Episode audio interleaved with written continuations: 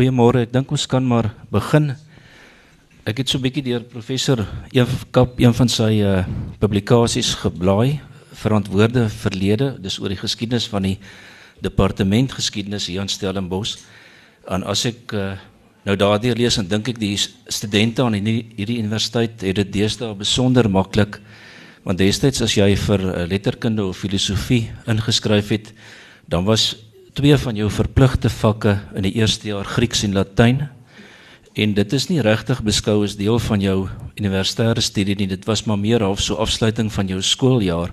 En dan hier van jou tweede jaar af het jy 'n keuse van twee van drie van die volgende of Engels of moderne Europese tale wat nou Frans en uh Duits en Nederlands ingesluit het en dan geskiedenis. Nou dit het nou vandag verander dat dat mense grade kry aan die universiteit met remediëre en Engels is een van hulle vakke. Ehm um, en die boek dink ek vertel daai verhaal hoe dinge oor die loop van bietjie meer as 'n eeu verander het. Ek gaan professor Kap uh kortliks aan die woord stel. Ek is altyd onseker hoe deeglike mense dit moet doen, maar ek gaan dit tog so nie te lank en nie te kort doen nie. Hy is 'n emeritus professor aan hierdie universiteit. Hy het ook uh al sy grade hier aan die Universiteit van Stellenbosch behaal.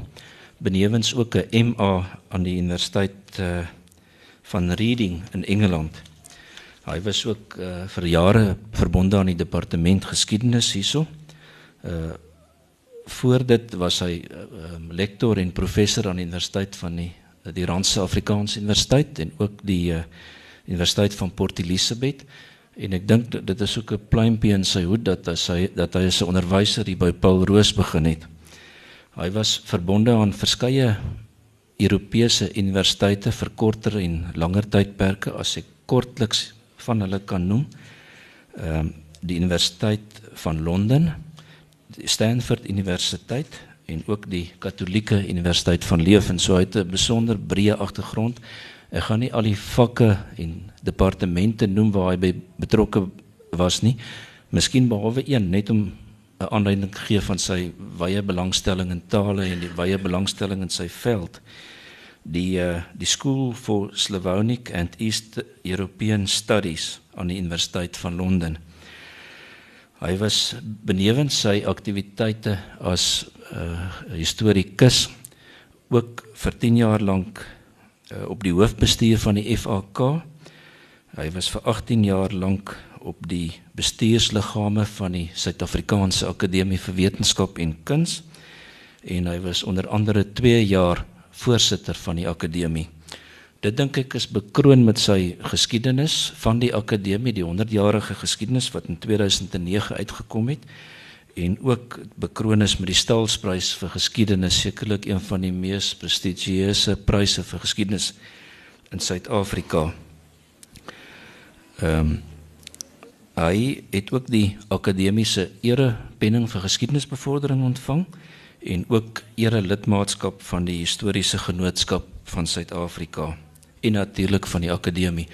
Nou ons is hier vir die boek ek moet sê die boek lees vir my daar's meer kinkels in hierdie kabel en as as 'n goeie speurroman en ek dink hy's lekker uh lekker goeie skurke ook in hierdie in hierdie boek van hom. Ons sien uit na die gesprek wat met Jacques de Pre van die EW de Klerk stigting gaan wees. Ek stel jou aan die woord. Dankie Nicole baie baie dankie Ehm um, aan almal hier so welkom vanoggend is vir my inderdaad werklike voorreg om om om met professor Kap te kan gesels. My CV is nie naaste by so lank nie. So wat 'n wonderlike voorreg professor om vanoggend met u te gesels oor hierdie boek Maties in Afrikaans.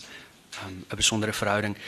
Professor, as ek as ek kan kan wegskop die ek meen dit is 'n dis werklike soos ons gehoor het by Nicole ook 'n klomp kinkels in die kabel en dit en dit gee mens werklike 'n ongelooflik deurdagte blik van die hele as ek dit so kan noem die ontwikkeling maar ook die die taaldebat um van en en en met taaldebat meen ek van Nederlands, Hollands, Afrikaans en Engels. Die hele die hele ontwikkeling van die gesprek op die universiteit.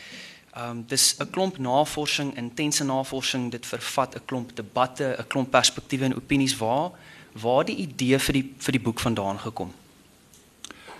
Ja, ja, miskien moet ek net uh voor ek daarop antwoord sê jy weet ek is ek is in 'n baie versigtige posisie hier want op jy's 'n advokaat en op die oomblik is advokate nie vreeslik hoog in aanvraag uh nie en ek sit hier uh en wonder nou maar wat gaan hy nou probeer om uit my uit te kry in hierdie in hierdie ruk in uh Vanoggend se burger het dit baie mooi opgesom met die opskrifie. Wat voer hy in die wat voer die advokaat in die mou? So ek het nou nie 'n idee wat jy in die mou gaan voer nie.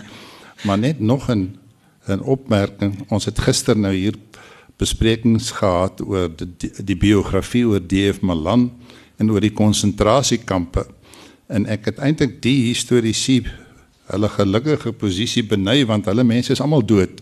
So daar's niemand wat kan terugpraat nie. Uh, my probleem is van die mense wat waaroor dit in hierdie boek gaan sit hier. So hulle kan baie skerp terugpraat uh as ek nou hier allerhande allerhande goed sê. Nou uh, as ek moet teruggaan na die oorsprong van van die boek, dan is dit inderdaad waarskynlik aan aan drie oorwegings te danke. Uh die eerste is die feit dat ek betrokke was by die nie net die skryf van die geskiedenis van die akademie nie, maar die hele organisering van die argief, so 'n reuse argief van 40 meter lengte uh, uh rak. En uh daar was soveel besonderhede in oor hierdie vroeë periode dat en Stellenbosch se rol daarin was baie insiggewend. En dit het my laat my aandag gefestig op die Stellenbosch se rol. Maar dan twee persone, twee rektore van die universiteit het 'n belangrike invloed hier uitgeoefen. Die een was professor Mike de Vries. Nou ek het oor die presiese rol van professor Mike de Vries het ek in 'n ander manuskrip geskrywe wat later sal sal verskyn.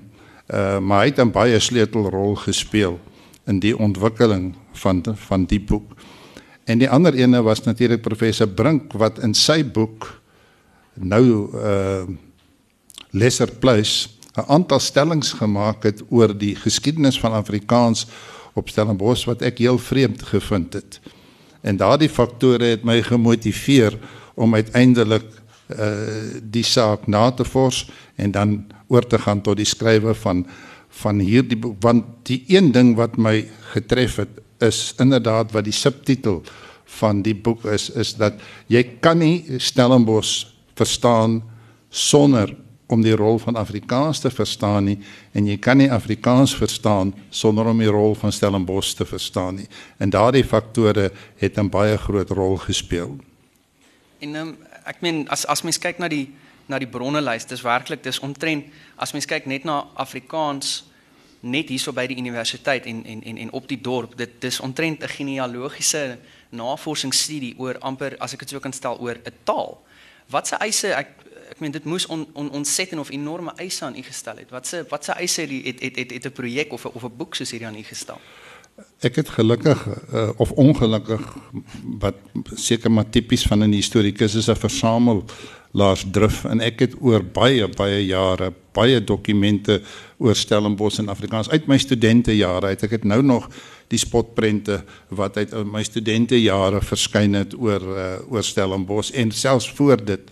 En daardie versameling was vir my baie waardevol en ek het vanaf die debat begin het hier op Stellenbosch hier in die 80er jare toe ek pas teruggekeer het Stellenbosch toe na 'n afwesigheid van 20 jaar het ek sistematies daardie koerant knipsels bymekaar gemaak en dis vandag 'n reuse kartondoos vol koerant wat volledig geïnventariseer is. So dit was 'n 'n baie belangrike bron. Daarom die burger is waarskynlik die heel belangrikste bron vir die geskiedenis en as ek dit nou vergelyk met die vroeë periode, het die burger nie soveel geskryf nie naaste by die aandag gegee aan Stellenbosch wat hy na 2000 aan Stellenbosch gegee het, nie.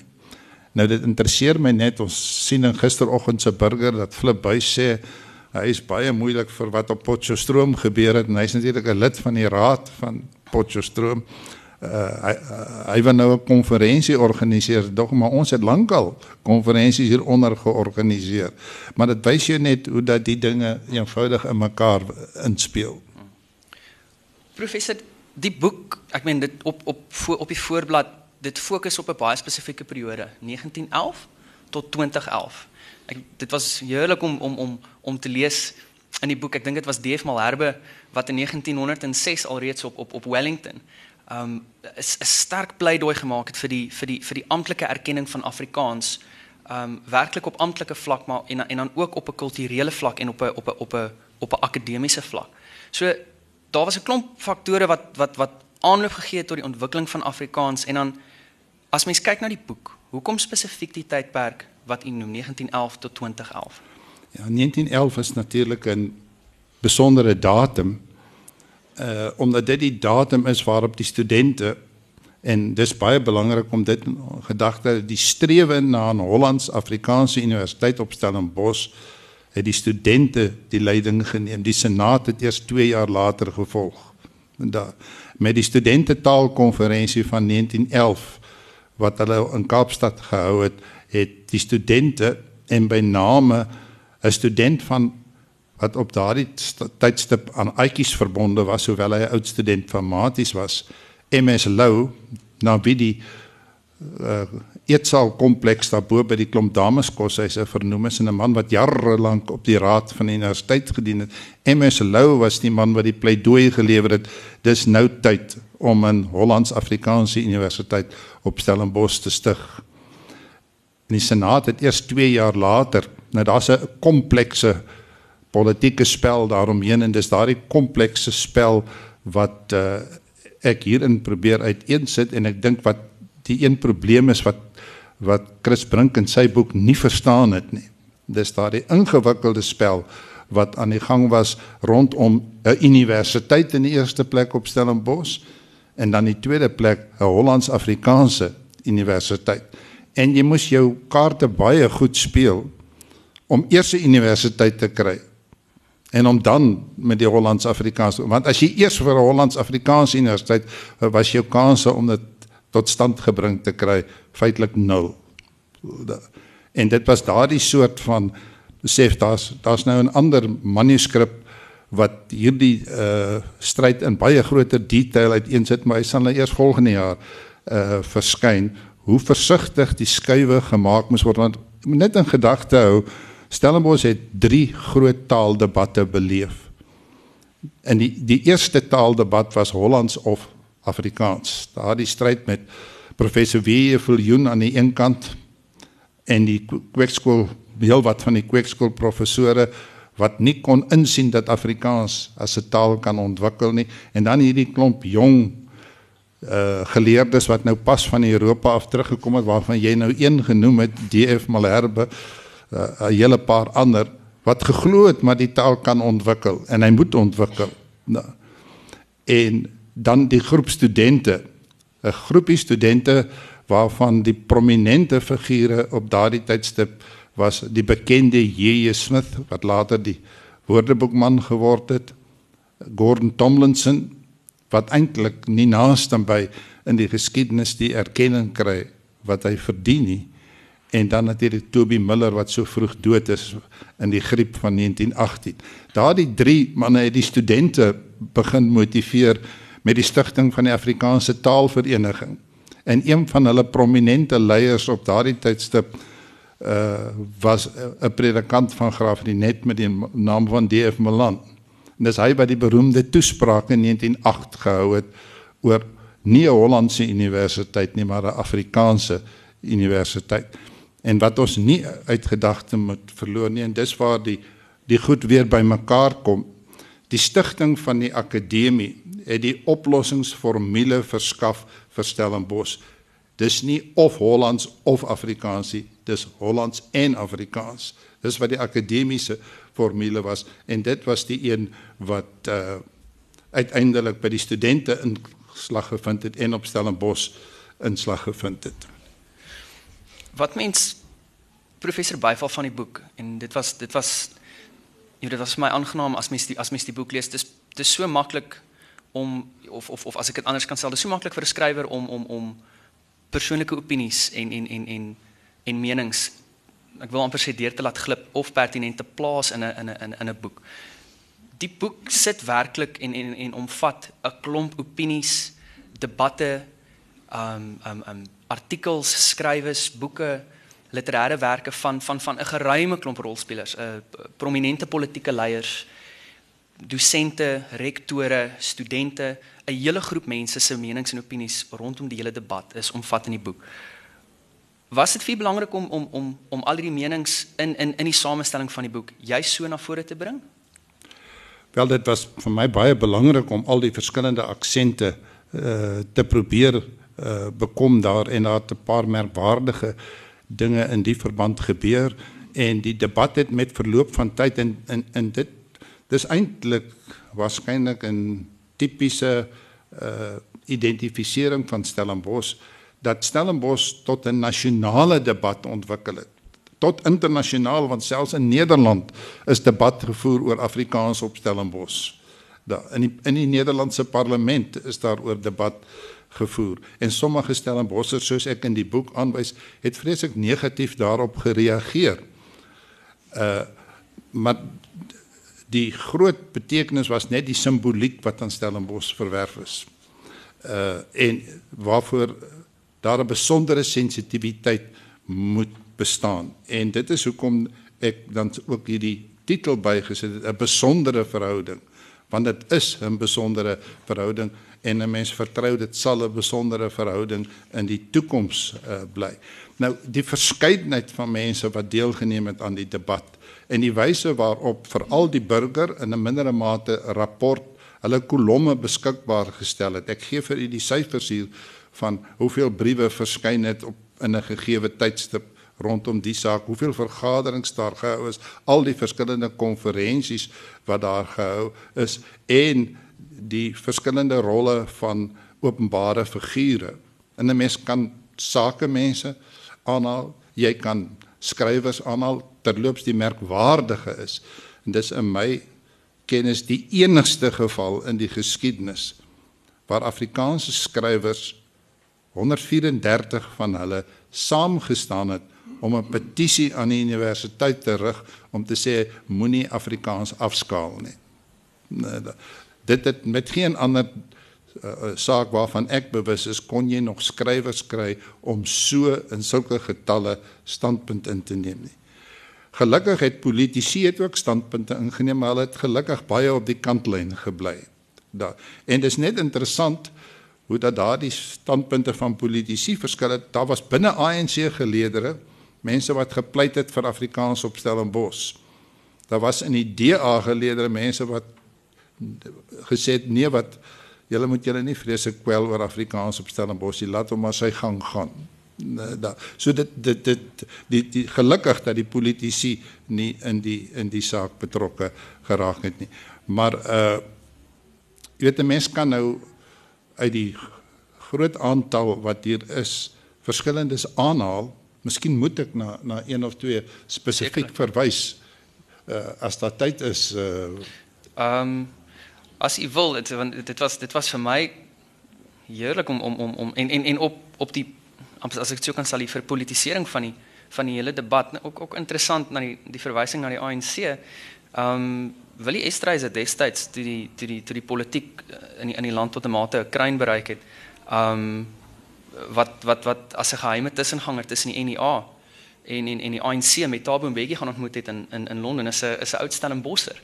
So dis dis dis ongelooflik om te sien hoe want in, op op 'n ander plek in die boek ook verwys hulle na die Universiteit van Stellenbosch nie net as 'n as 'n universiteit bloot nie, maar as 'n volksuniversiteit. En dit is net so relevant vandag soos wat dit toe was want omdat die debat tot op 'n nasionale vlak verhef is, is dit is dit is dit werklik dis interessant om te sien hoe diep die die politiek hardloop. As ek meen ons is in u hande mee werklik met met met met aanhalings. Anders u nou nou 'n punt genoem wat 'n interessante 'n interessante ding is.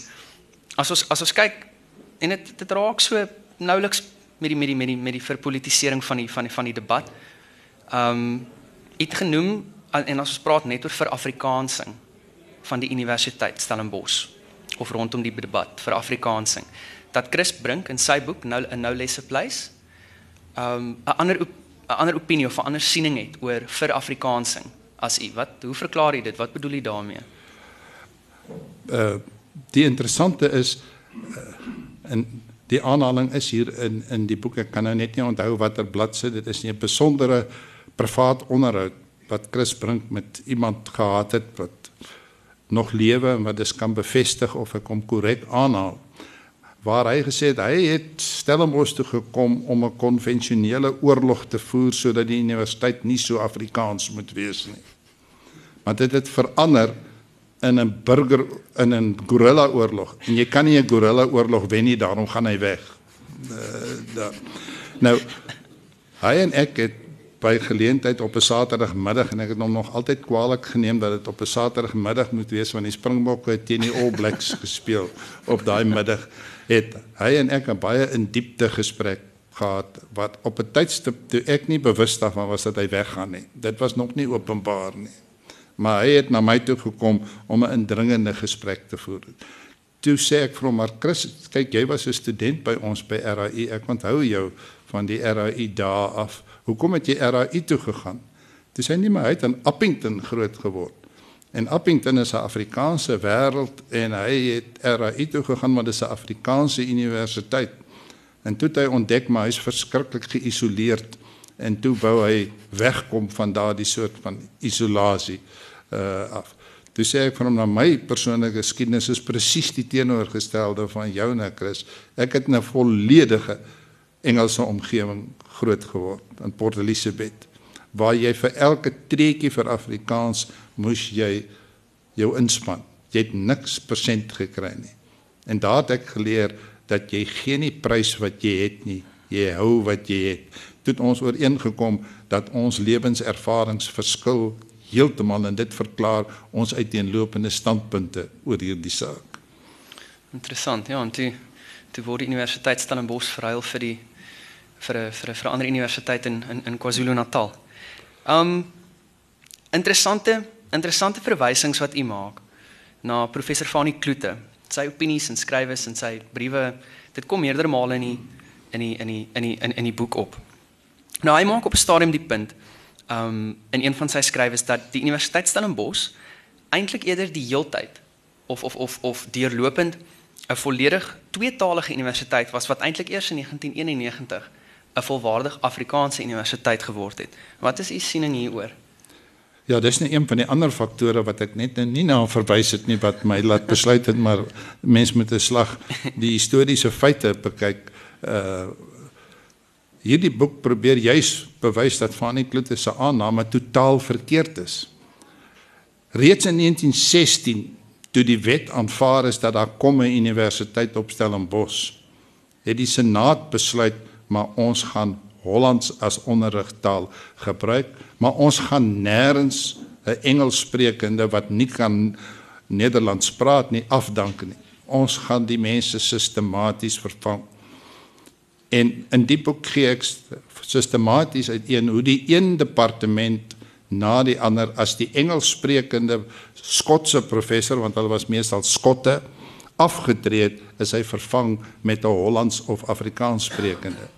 Die laaste vak wat vir Afrikaans het was accountancy in 1947 toe professor Vosloo aangestel is as professor in rekeningkunde. En dit was dus 'n proses en nie 'n ding wat op 'n manier met 'n formule of met uh, spesifieke voorskrifte afgehandel is nie, maar wat baie netjies en baie sensitief deur die universiteit hanteer is. Net een voorbeeld van die soort van bydra wat Engelssprekendes gelewer het en ek gee baie voorbeelde daarvan hier in die boek. Engelssprekendes gelewer het tot die ontwikkeling van Afrikaans. Professor Shand wat 'n nie 'n gebore Suid-Afrikaner was nie. Professor in geologie wat in 1917 voor die universiteit begin het, die beroemde lesing gegee het oor wat is 'n universiteit. Dis professor Shand wat in 1937 die eerste woordelys in geologie in Afrikaans gepubliseer het. Wat dis 'n illustrasie is en mens kan dit hoeveel keer herhaal. Duitsers by ingenieurswese byvoorbeeld, Hollanders, Vlaminge, ander Engelssprekendes wat 'n bydrae gelewer het tot die ontwikkeling van wetenskapstaal. Nou 'n baie belangrike ding van die debat wat ons moet onthou, dit gaan nie oor mense se spreektaal nie. Dit gaan oor die hoër funksies van 'n taal, oor die onderrig en die wetenskapsfunksies van 'n taal. En dit is ook 'n punt wat baie sterk in die boek uh, beklemtoon word en wat Herman Gillomee ook in sy debatte baie sterk klem op gelê het. En wat Breiten Breitenbach ook baie sterk oor gevoel het. Breiten het, het gesê Afrika se groot probleem is die Afrikaners het nooit hulle taal tot 'n vlak verhef dat jy kon meeding met die koloniale taal nie. En dis een van die dinge waarvoor hy hom beywer. En die feit bly net staan dat daar net 5 tale is wat in die 20ste eeu in die wêreld daarin geslaag het om tot wetenskaps- en onderrigtale te ontwikkel. En Afrikaans is een van hulle. Ander een is Hebreëus, nog een is Hindu. Uh uh Maleisies is die ander een, kan nou nie die vyfde een uh sonder meer onthou nie. Maar dis merkwaardig dat jy in 'n tyd van globalisering waar die wêreld eintlik deur twee of drie tale oorheers is, daardie soort van ontwikkeling kry dat mense deur hulle eie energie, deur hulle eie inspanning en deur hulle eie wilskrag hulle tale ontwikkel tot die vlak wat Afrikaans ontwikkel is. En dit is die belangrike ding, hoe handhaaf ons daardie vlak? Hoe bou ons daai vlak verder uit? En ons sien nog hoe dit gebeur. Ons het in onlangse tye gehad die verskyning van die woordeboek oor uh rekenaar gebruik, die woordeboek oor die ruimte. Dis almal voorbeelde van hoe daar steeds met hierdie strewe om 'n Afrikaanse wetenskapstaal te ontwikkel en uit te bou gewerk word. En Stellenbosch het daarin 'n reuse rol gespeel. En hy behoort nie daai rol te versaak nie. Ja, dis dis een van die groot kerndebatte tans op die taalfront is werklik as mens kyk na wat die grondwet sê oor ons land se amptelike tale. Um as mens kyk na die na die institusionalisering van Afrikaans, as ek dit so kan noem en of sommige mense dit sien as slegte of goeie institusionalisering, daardie institusionalisering het plaasgevind. Afrikaans het daai institusionalisering beleef en tans en dit is dan nou natuurlik op kulturele vlak, akademiese vlak, navorsing, wetenskapsvlak, hoër funksie vlak.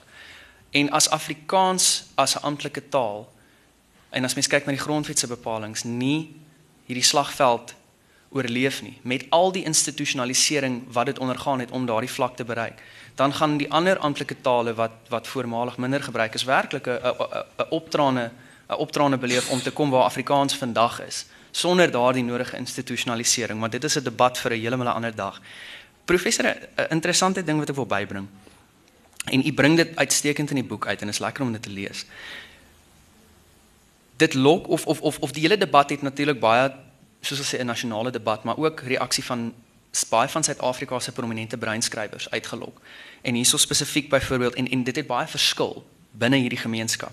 Dit wissel vanaf byvoorbeeld C Du Plessis wat gesê het in Afrikaans moet eenvoudig net uitsterf tot opinies uh, soos A Philips en H Wyngaard wat daadwerklike um, en en hartstoglike pleidooie gelewer het vir die taal. Wat sien u in hierdie twee kontrasterende um pleidooie as ek dit so kan stel uit uit uit uit 'n enkele gemeenskap uit?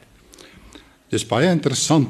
Ja, gister in hierdie einste lokaal, 12 uur sessie, het Abraham Philips daar gesit en Willemien Brummer het met hom die onderhoud gevoer oor sy nuutste boek. En een van die goed wat hy gesê het, hy's hy's verbitterd oor die wyse waarop die brein middelklas hulle rug op Afrikaans draai. Dit was sy woorde. Hy's verbitterd oor die wyse waarop die brein middelklas hulle rug op Afrikaans dan net 'n vurige pleidooi as 'n man sonder geleerdheid, jy weet hy het net standaard 3 en hy het hoeveel boeke nou al geskrywe pleidooi gelewer vir Afrikaans. Da uh so dit is die dis die een kant van die saak. Daar's natuurlik uh, nou byvoorbeeld ook die swart forum wat daar in die boek ter sprake is, die hele storie van die swart forum wat uh van Afrikaanse kant af hartlik verwelkom is en op 'n byeenkoms by IWK gehoor en gehou en daarna het jy nooit weer van hulle gehoor nie. En daar is onder andere nou 'n vreeslike pleidooi gelewer dat Kaaps ook erken moet word, maar al die pleidooie is in standaard Afrikaans gelewer. Daar wat wat so die die die die die die, die spanning, die onsekerheid in eie geleedere baie beter uitbeeld as as enige iets anders. Nou jy het nou verwys byvoorbeeld daarna Clinton Du Plessis se opmerking, maar as jy Clinton Du Plessis se artikel mooi lees, En ek sê dit ook hier in die boek, dan kom jy agter dis nie oor Afrikaans wat hy so kwaad is nie. Dis omdat hulle nie sy gedigte wil publiseer nie dat hy so kwaad is. So daar's altyd daai soort van elemente. Altyd 'n sterkie, ook, altyd ook betrokke ja. by by die sake. Um professor wat lekker is om te sien um buite almal se opinies, die die konvokasie by die universiteit speel 'n baie groot rol in die in die in die, in die boek en en en in die debat. Um ja, ek meen hoe hoe hoe waarom? Ja, ek meen ons ons ons ons sien hoe die en en en en werklik tot krediet van die boek en en en en die skrywer is dat daar werklike objektiewe beeld gegee word in die in die in in, in die boek van almal se se se opinie en bydrae. Tog is die is die konvokasie se rol sentraal. Wanneer jy by skole kom, dan het die ouers 'n baie baie spesifieke bydra. Hulle het 'n baie spesifieke posisie. Hulle stem vir die skoolkomitee. Hulle het die reg om te stem vir die lede van die skoolkomitee. En as 'n skoolkomitee snaakse goed doen, dan moet jy vir die ouers gaan vra hoekom het julle toegelaat dat daai skaal dit gebeur nie by universiteit nie. Die ouers het geen seggenskap nie. Die enigste manier waarop die publiek, die gemeenskap vir wie die universiteit bestaan, 'n invloed kan uitoefen is danksy die wet van 1918 wat bepaal dat daar moet konvokasielede op die raad verkies word deur die oud studente. En dis die enigste manier waarop die breë publiek 'n invloed kan uitoefen, 'n stem kan laat hoor.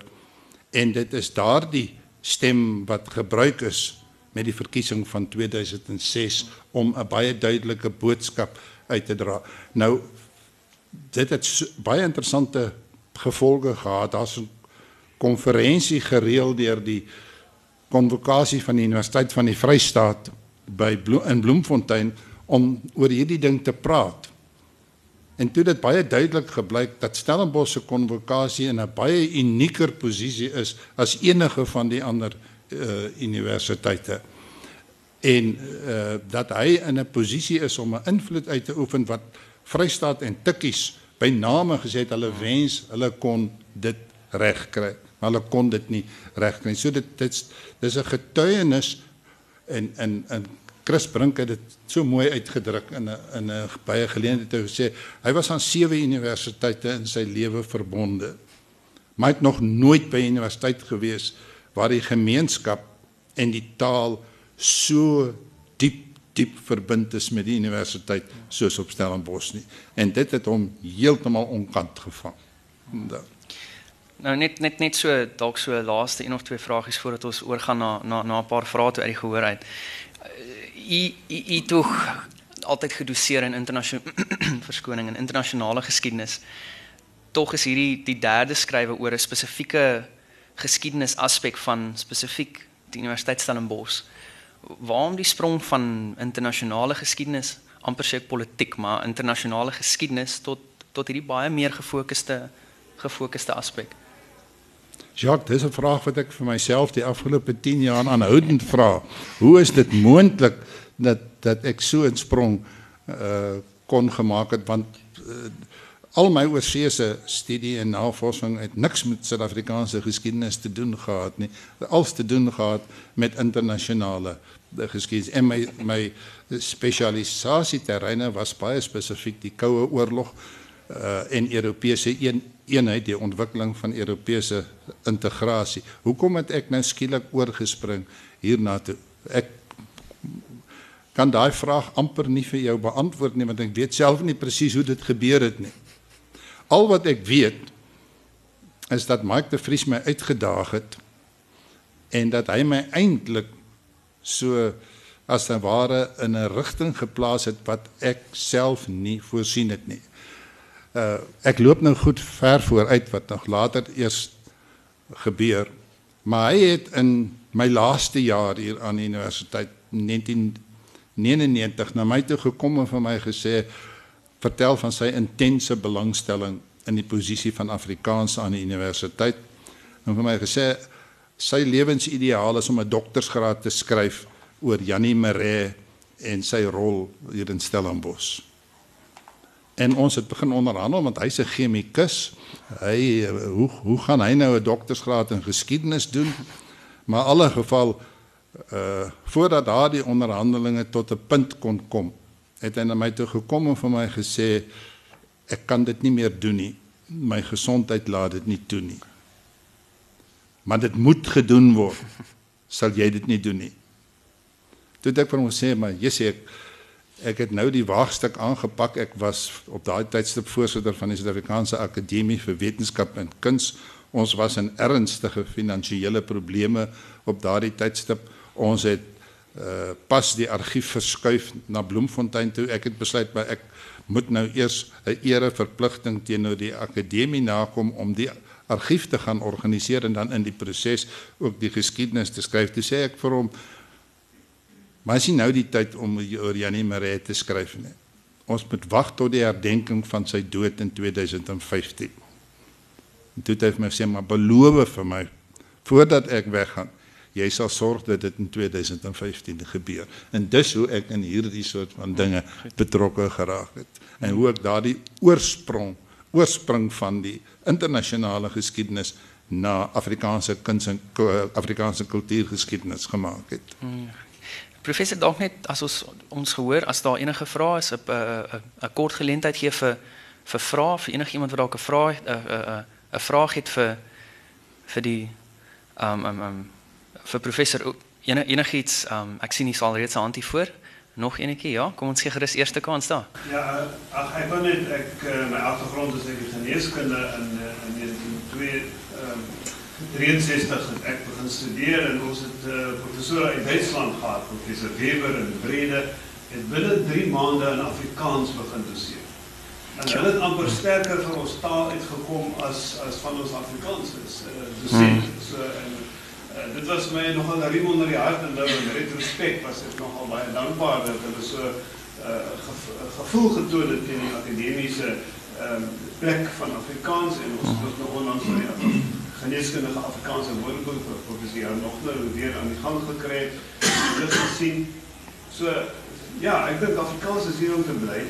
En uh, dit sou baie jammer wees as ons nou die taal wat soveel uh, uh, met soveel harde werk tot stand gebring is, sou afskeep. So dat is as mense uit die buiteland wat wat vir ons taal geveg het en as jy uh, durf verkeerde Afrikaans gebruik en jy lewe by jou kul. Jy het reg gewys. so dis interessant. So dat is mense van van van nie as hier gebore is nie wat ons taal. Nee, dit dit dit dit rem ook enige argument van van enige iemand wat sê maar 'n uh, 'n volhoud op van van Afrikaans en hierdie staat maak op op Afrikaans um is is is 'n struikelblok tot internasionale deelname of internasionale erkenning. Daar's tog ek meen as daar soveel belangstelling is van buitelanders wat nie Afrikaanssprekendes is nie en voorbeelde van soveel Afrikaanssprekendes um wat in die buiteland met welslaa goed doen, dan rem dit daai argument heeltemal. So baie baie dankie. Baie baie interessant. Dit was ja. Een ding byvoeg ons het 'n Skotse professor uh, uh in ortopedie gehad, George Bell. Hy kon nie goed Afrikaans praat nie. Hy het gesê ons het 'n debat gehad oor 'n seer rug of so iets en dit het gegaan dat jy die regte matras moet hê en hy's dan het hy gesê jy moet na die bed met 'n stywe matroos.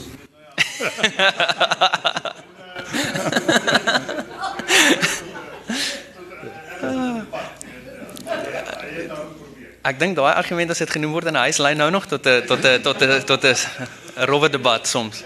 Kan wees. Maar maar Dawie ek wil net by jou oor die skotte. Die skotte het natuurlik die Victoria College bedryf uh nee. En ek het nou die dag in 'n gesprek met Jaap Durant vir hom sê Jaap, weet jy wat my verskriklik pla oor al hierdie goed wat hulle hier by ons aan die Calvinisme toeskryf. Dis nie die Calvinisme wat dit veroorsaak nie. Dis daai klop Skotse pres uh uh Puriteine Hulle was geweldig puriteins. Byvoorbeeld 'n professor Gordon wat die professor in wiskunde was. Hy het 'n klomp studente gehad wat by hom gewoon het. En sy reël was op Sondag mag jy die huis net verlaat om kerk toe te gaan. Jy bly die hele dag binne in die huis. Jy gaan nie jy loop nie op Sondag rond nie. Dis sondig. En hy het Sondagoggende het hy vir daai groep studente, dit is als in Engels, 'n 'n 'n Bybelhoofstuk gegee wat hulle uit hulle kop uit moes leer en dan moes hulle dit nie aand vir hom kom opsê. Nou jy weet dis dis daai Skotse en, en dan hier na die Anglo-Boereoorlog en sê die Skotte maar hulle kan hom nou duidelik voel hierdie Stellenbossers voel nou nie meer dieselfde oor hulle uh, Skotte as voorheen nie. Toe sê Macmillan wat 'n uh, predikant hier was, presbiteriaanse predikant, sê van maar ons groot probleem is ons het nooit geleer Nederlands praat nie. Dis ons groot probleem. Ons moes geleer het om Nederlands te uh, te praat uh, daar. Dan ek gaan ek gaan net as gevolg van tyd net twee vragies toelaat een hier voor en dan ja, vir Christoffel Joen. Ja, asseblief. Vraag vir professor Kap net gevra. Hy het 'n baie interessante opmerking gemaak. 1911 was dit die jong mense, die studente hm. wat vir die taal geëiwer het. Ja. En eintlik die die senaat voor voor was, ja. Wat is die posisie vandag? Hoe sien hm. professor Kap die toekoms van Afrikaans? Is die sleutel tot die toekoms van Afrikaans as 'n wetenskapstaal nie eintlik die verpligting of die roeping van die jeug en die hm. studente nie? Of sien hy dit dat dit van bo af georden of gereël of gestruktureer. Maar selfs as advokaat is ek bly ek hoef nie daai ene te beantwoord nie. ja, historikus, kyk op 'n stadium met het ek dink dit was 2011 het 'n uh, koerantskrywer in die burger geskrywe het gesê ek staan met my gesig na die verlede en met my rug na die toekoms uh, toe. Nou daar's net een manier waarop jy 'n taal ontwikkel en dis deur om te gebruik en deur hom toe te pas.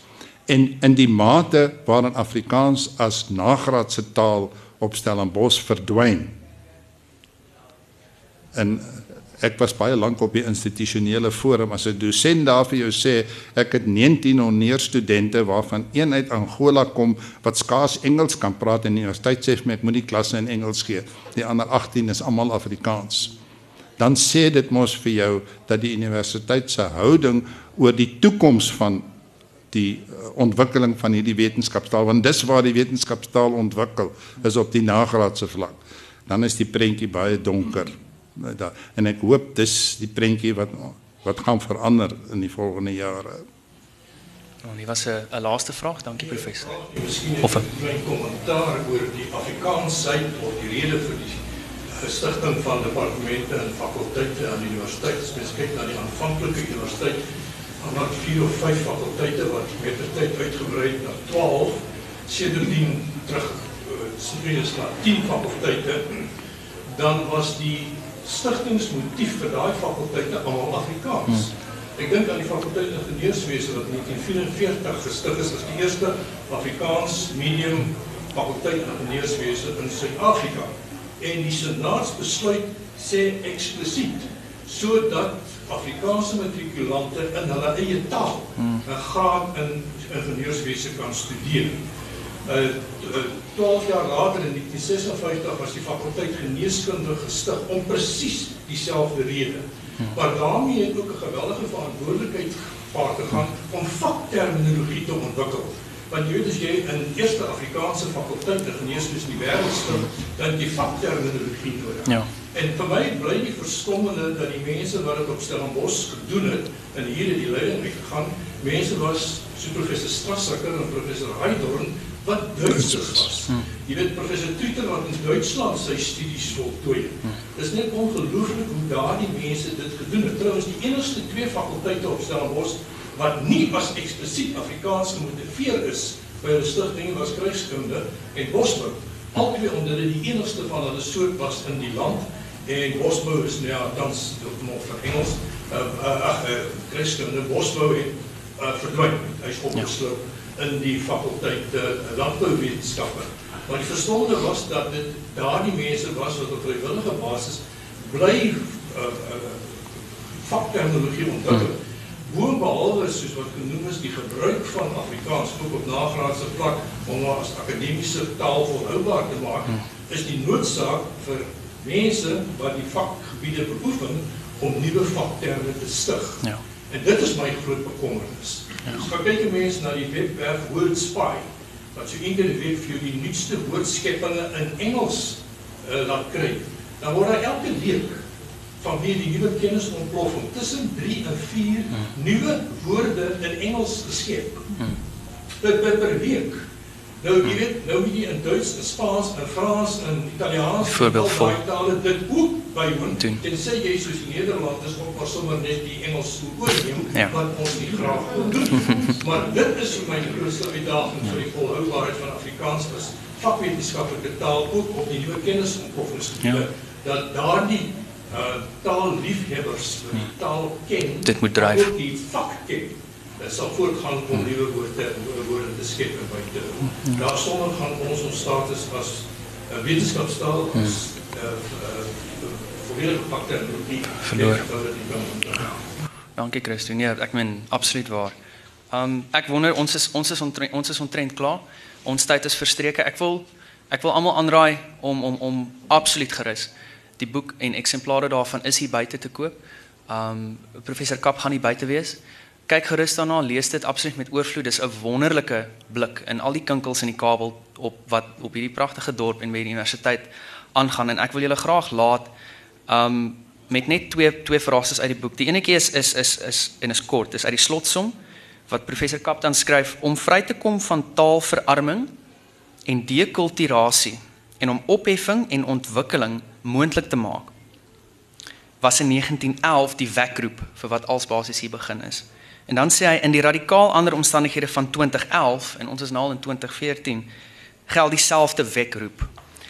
Nou dis baie interessant want dit is presies wat in 1911 deur Eben Dangies gesê het of of verskoning wat deur Eben Dangies gesê het en ek haal aan ons lewe in 'n tyd van woeling Gebeurtenisse volg mekaar snel op en ingrypende veranderings vind elke dag plaas. Dit is veral die geval met die taalstryd in Suid-Afrika. Ons volk is tot ontwaking gekom en besiel en met die geesdrif van herbore selfbewussyn kom ons een hinderpaal na die ander te bowe.